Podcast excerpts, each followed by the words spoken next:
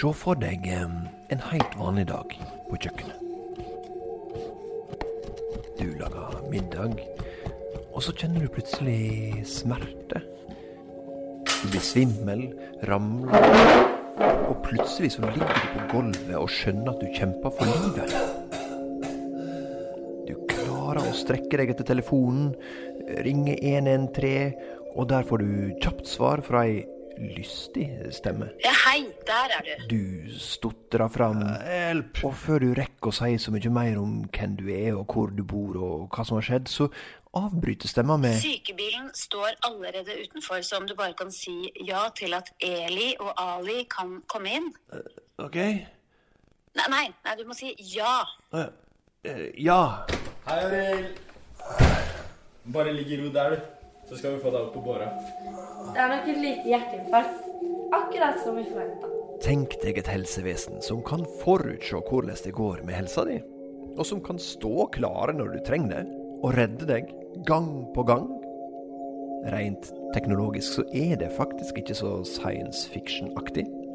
Strengt tatt så er dette scenarioet her based on a true project, eller iallfall inspirert av et ekte prosjekt fra Datatilsynets regulatoriske sandkasse. I et helseperspektiv så hadde jo et sånt system vært utrolig bra. Eller det er ett alternativ som er enda bedre, og det er det de prøver å få til i sandkasseprosjektet til Helsebergen. Og det er det prosjektet du skal få høre om i denne episoden av Sandkassen.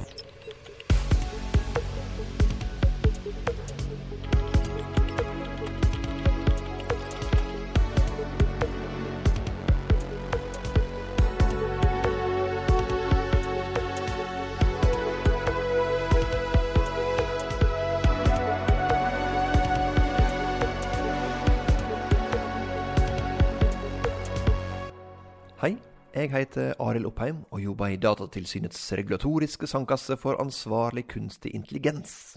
Og poenget med denne sandkassa er at Datatilsynet skal være litt mindre politi som kommer med pekefingre og klekkelige gebyr, og være litt mer i forkant. Forebygge. Og hjelpe utviklere og KI-miljø med å sikre godt personvern helt fra start, når de skaper kunstig intelligente verktøy. Og her i sandkassen får du høre hvordan det går. Ja, bare Skal vi Kom her, så vi Ja, ja, sitter, ja, ja. Sitte tett. litt, sånn, litt sånn på sida. Litt sånn tett.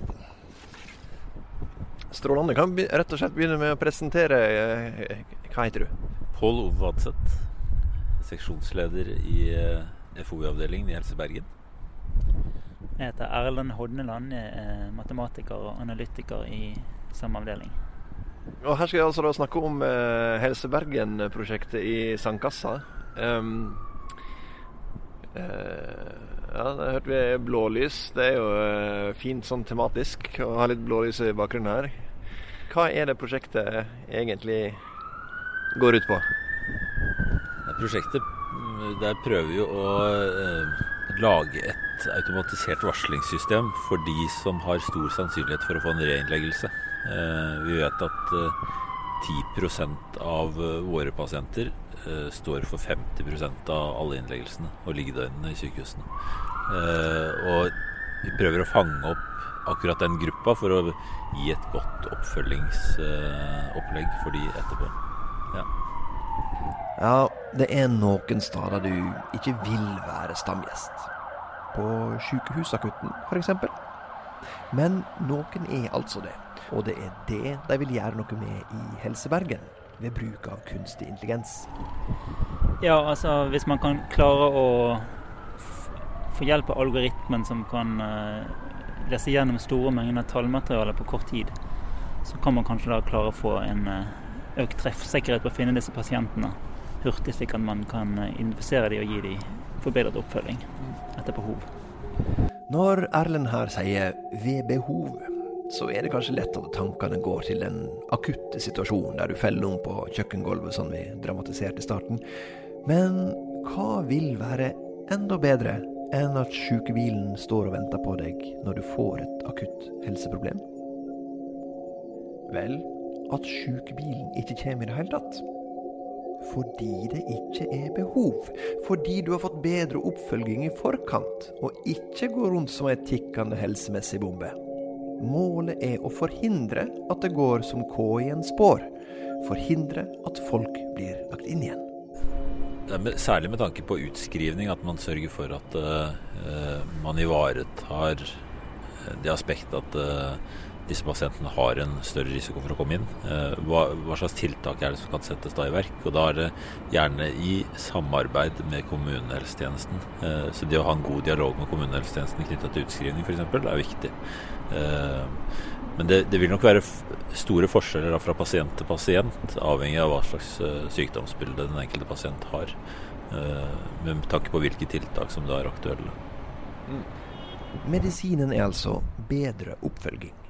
Så da ligger det jo litt mellom linjene at det er potensial til forbedring i dagens situasjon. Det er vel kanskje litt for mange reinnleggelser som uh, som er unødvendige på den måten at vi ikke har gitt et godt nok oppfølgingstilbud på, på tvers av kanskje både fagområder, men også på tvers av uh, kommunehelsetjeneste og spesialisthelsetjeneste. Men hvor, hvor, stort omfanget er, er litt vanskelig å vite. Uh, men det, dette varslingssystemet vil jo i hvert fall være en systematisk måte å fange disse pasientene opp på. Eh, sånn at det ikke bare er avhengig av den enkelte lege som ser.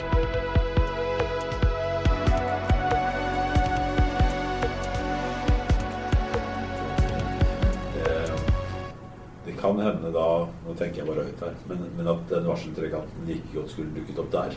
Mm. Som at han skal dukke opp i DIPS. Ja.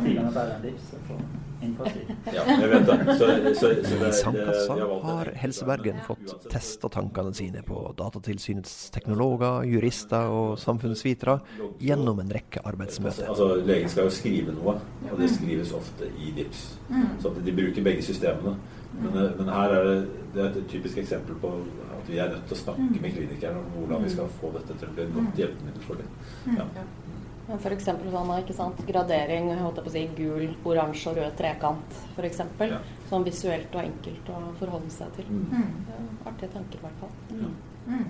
Ja, altså eh, Poenget med verktøy, verktøyet her er jo altså å få bedre oppfølging av de som kan ha behov for bedre oppfølging. Men er det retta mot, eh, i hovedsak retta mot leger og helsepersonell sånn at de skal få vite hvem de skal følge opp? Eller er det, det, er det hovedsak retta mot pasientene, sånn at de skal få vite hvordan de ligger an og kan ha kunnskap om sin egen helse? Ja, I all hovedsak så er det rettet mot legen, vil jeg si da, at eh, det blir en bevisstgjøring av at denne pasienten kan trenge noe ekstra oppfølging. Og her, her bør vi sette inn ekstra ressurser. Selvfølgelig er det en informasjon for pasienten også, men eh, Først og fremst er det et hjelpemiddel for, for legen, det vi kaller beslutningsstøttesystem, slik at du skal få eh, bli veiledet til å ta de, som og ta de rette beslutningene, kanskje også under et høyt arbeidspress. Men i og med at en da har innsyn eh, i sin egen eh, informasjon, så må denne eh, informasjonen utformes på en sånn måte at en pasient kan skjønne det? Ja, og da er du inne på det andre momentet som kanskje er litt både vanskelig, men også eh, har blitt gjort enkelt, for så vidt, i prosjektet med dette med åpenhet. Eh, hvordan skal vi forklare eller ikke forklare for pasienten hva som skjer? Eh, og der eh, vi så langt i prosjektet har sett at eh, denne type beslutningsstøtteverktøy ikke nødvendigvis skal eh, behandles noe særlig annerledes enn andre typer beslutningsverktøy i diagnostisk sammenheng osv. for legene i dag. En av de tingene vi har jobba mye med i våre arbeidsmøter gjennom våren sammen med Helse Bergen, er jo nettopp hvordan redusere risikoen for at informasjonen som gis til pasientene, ikke er tilstrekkelig tilpasset målgruppen. At den ikke er meningsfull og forståelig for de pasientene som skal motta informasjonen. Her hører vi Kristine Stenbro, hun er teknolog av bakgrunn, fagdirektør i Datatilsynet og prosjektleder for Sandkasseprosjektet med Helse Bergen. Vi diskuterte mye i forhold til hva som er riktig tidspunkt å gi denne informasjonen på. mange av pasientene kommer jo inn i akutte situasjoner. Det er mye som skjer på en akuttstue, og det er rett i innleggelse. Kanskje er man også såpass dårlig at man ikke kan ta til seg den informasjonen. Eller at det er betimelig å stoppe opp i det hele tatt og forsøke å gi den.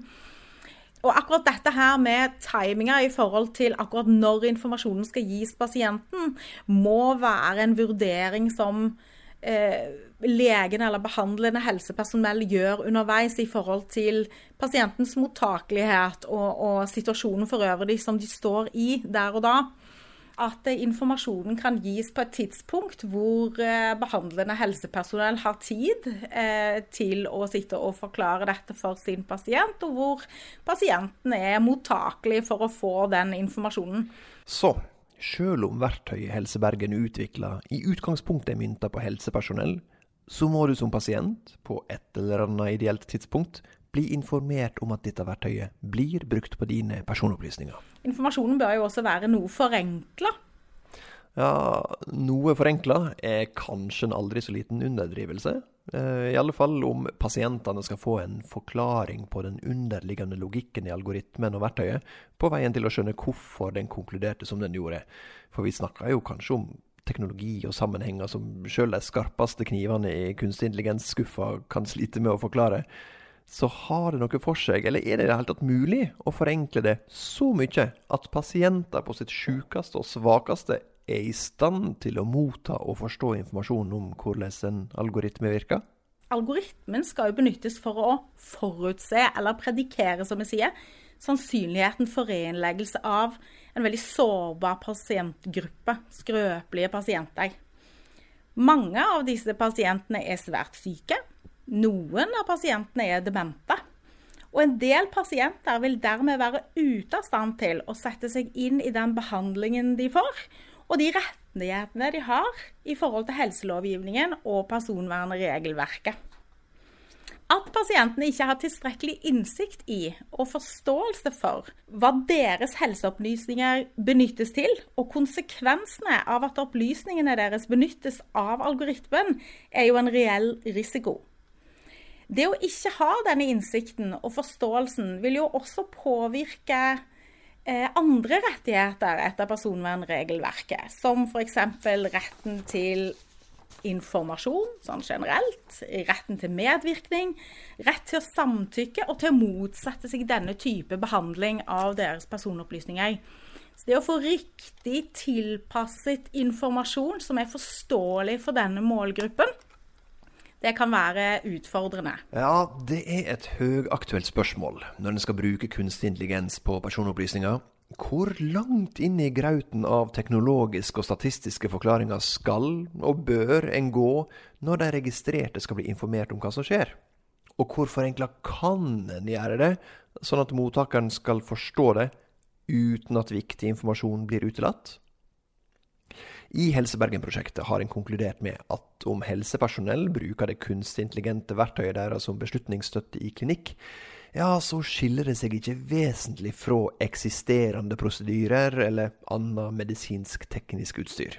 Når du blir skanna i ei MR-maskin f.eks., er det jo både sensitive persondata og algoritmer involvert, uten at du får ei inngående innføring i de tekniske mekanismene i maskina. Det er òg algoritmer involvert når blodprøvene dine blir analysert. Og i Helsebergen-prosjektet har Sandkassa vurdert det slik at en kan forholde seg til dette her KI-verktøyet som til annet medisinsk teknisk utstyr som blir brukt på sykehusene i dag så hadde det sikkert vært herlig for alle innovatører og utviklere der ute om jeg kunne si at eh, den vurderinga kan overføres til alle andre prosjekt med kunstig intelligens i helsesektoren, men det kan jeg sjølsagt ikke. Definisjonen av kunstig intelligens rommer et vidtspennende teknologi, og i hvert enkelt prosjekt så må det gjøres egne vurderinger av hva slags informasjon som må gis, hvor tid og på hva slags måte, for å oppfylle kravet om åpenhet. Så Tilbake til Helsebergen-prosjektet. Hva landa de på når det gjaldt form og innhold på informasjonen til pasientene? Eh, Helse Bergen eh, kom tidlig med et forslag om å lage et journalnotat. Eh, på lik linje med andre journalnotater som legges inn etter man har vært hos lege, eller etter man har vært inne og vært innlagt. Så dette er jo et dokument som vil bli liggende i en dokumentliste på journalen, som, eh, som pasientene og pårørende når som helst da eh, er ment å kunne få innsyn i. Og det viktigste poenget med verktøyet her er jo da å gi god oppfølging i etterkant. Så det er på en måte det er på vei ut av sykehuset det, det her er, et, er mest aktuelt? Altså at beregninger blir gjort og, og sånt, eller? Ja, det er riktig. Algoritmen skal hjelpe behandlende helsepersonell å bli oppmerksom på at her er det økt risiko for en reinnleggelse. Det vil altså si at hvis pasienten eh, sendes hjem med vanlig oppfølging, så er risikoen relativt høy for at denne pasienten kommer tilbake igjen og blir innlagt på ny. Eh, algoritmen bistår da i forhold til å flagge eller sette opp et rødt flagg i forhold til obs, her er det økt risiko. Og basert på tidligere innleggelseshistorikk, og så kanskje litt om hvorfor er det en økt risiko for reinnleggelse. Så det vil fungere som en liten vekker for behandlende helsepersonell, sånn at de er oppmerksom på denne situasjonen. Og med det kan gjøre egne vurderinger ut ifra hvilke ekstra oppfølgingstiltak pasienten muligens bør motta når pasienten kommer hjem. Rett og slett hvilke tiltak kan igangsettes for å unngå at pasienten blir så syk at den blir sendt tilbake til sykehuset innen relativt kort tid.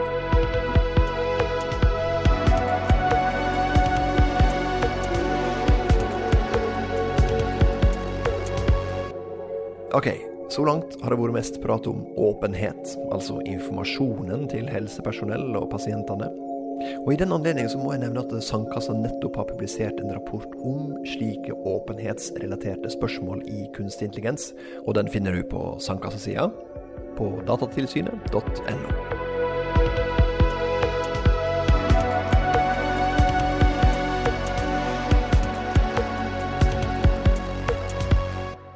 Men de har òg diskutert andre spennende tema på arbeidsmøter i Helsebergen-prosjektet.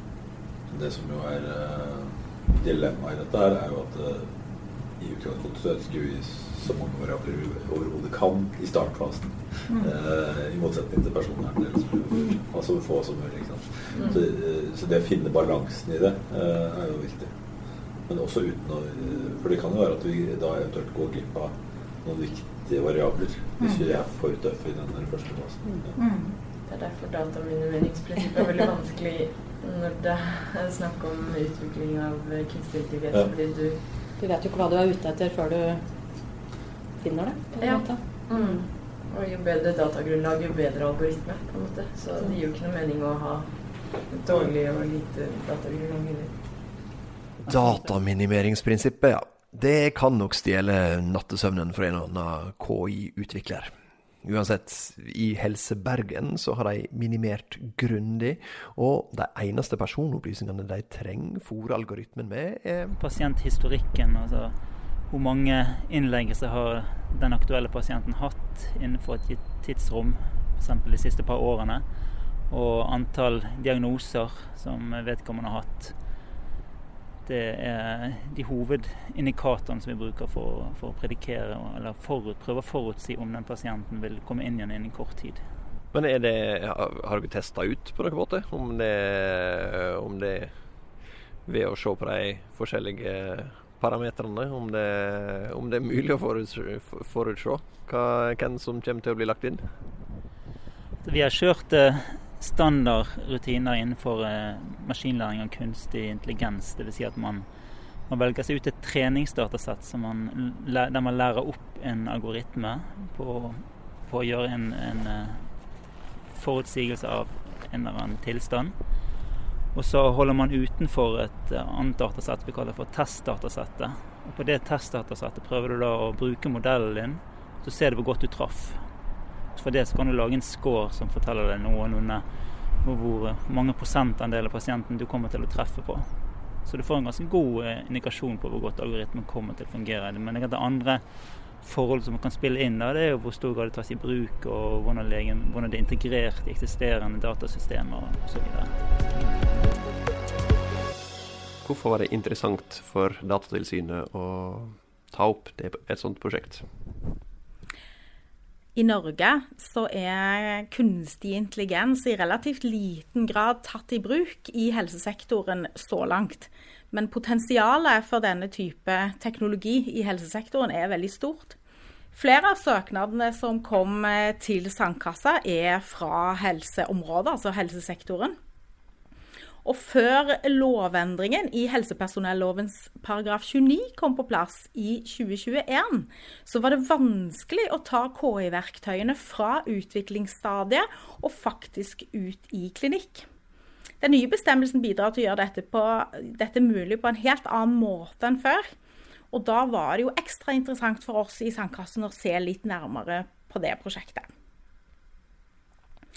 Dette prosjektet fra Helse Bergen bidrar til å belyse forskjellige og veldig aktuelle personvernhensyn og risiko. Målet med Sandkasseprosjektet var jo å avklare lovlighet ved å bruke kunstig intelligens i pasientbehandlingen, samt utforske hvordan pasientenes rettigheter kan ivaretas på en åpen og på en rettferdig måte. Erfaringene i prosjektet vil kunne bidra til at andre tilsvarende KI-prosjekter på helseområdet får tips og konkrete eksempler på hvordan de kan ivareta personvernet på en god måte fra start. Og vi har registrert at det er stort behov for denne type veiledning i helsesektoren. Det er vel eh, Du treffer borti en del av de prinsipielle personvernspørsmålene som du kommer til å komme borti i mange ulike typer KI-prosjekter. Eh, er det kanskje et litt sånn ufarlig prosjekt. Eh, for på en måte så er kanskje det verste som skjer for pasienten egentlig at, de, at vi bare opprettholder dagens praksis overfor de, som i de aller fleste tilfellene er god, eh, og mer enn god. Så sånn sett så er det vil kanskje det prosjektet her være en bonus for noen, uten å gå på bekostning at det, det skjer noe som er skadelig for pasienten. Så det virker jo som et prosjekt der konsekvensene er ganske små, egentlig både, både her og der. Altså samme òg egentlig kanskje om pasienten ikke nødvendigvis om pasienten er dement og ikke forstår eh, informasjonen, så er ikke det, det er ikke en kritisk konsekvens for personen om en ikke skjønner at en algoritme er brukt, vel? Eller? Nei, det, det, det er helt riktig. Det har ingen stor konsekvens for pasientene eh, hvis algoritmen skulle trå litt feil, eller at algoritmen mangler data eller historikk til å ta en helt riktig avgjørelse. Eh, pasienten vil da enten motta den pasientoppfølgingen som er standard, og som den uansett vil ha mottatt, eller enda bedre, pasienten vil få, få enda flere tiltak for å kunne unngå en reinnleggelse. Altså for, en, for ekstra oppfølging eh, for å unngå en, en reinnleggelse kort tid etter at vedkommende har kommet ut av sykehus. Nå er sandkasseprosjektet med Helsebergen avrunda, og sluttrapporten er publisert. Du finner den på sandkassesida på datatilsynet.no. Og alle var enige om at det hadde vært en fin tur. Det oppleves som en god prosess og, og lærerik prosess. Eh, der vi har diskutert mange problemstillinger som vi nok ikke hadde sett for oss fra starten av. Eh, og så har det vært en god prosess med tanke på at eh, det har ikke opplevdes å, å få kjepper i hjula, men heller på en måte at alle har vært løsningsorientert. Og prøve å finne ut hvordan kan vi løse dette i fellesskap innenfor regelverket. Veldig lærerikt også for oss i Datatilsynet. Ehm, Helse Bergen hadde gjort mye tankearbeid i forkant. Det var et relativt modent prosjekt. Ikke i forhold til å være klar for klinisk bruk, men i forhold til hvordan man hadde tenkt og planlagt å løse eh, personvernutfordringer i prosjektet. Så det har vært et veldig godt samarbeid og berikende å delta i prosjektet. Og jeg håper nå at prosjektet baner vei for flere tilsvarende prosjekter fra helsesektoren, men hvor vi også kan jobbe litt videre ut ifra det vi allerede har lært i Helse Bergen-prosjektet, og jobbe videre med også andre problemstillinger som da dukker opp for andre eh, prosjekter. Det er ingen tvil om at bruk av kunstig intelligens i helsesektoren har et stort potensial. Vi tror at kunstig intelligens har eh, stort potensial i helsetjenesten i fremtiden. Det kan helt åpenbart eh, kunne avhjelpe det arbeidspresset som mange jobber under. Og det kan forhåpentligvis også øke treffsikkerheten i noen tilfeller i pasientbehandlingen. Og det skal handle om et nytt helseprosjekt i neste episode av Sandkasten. Da tar vi for oss Ahus sitt EKG AI-prosjekt.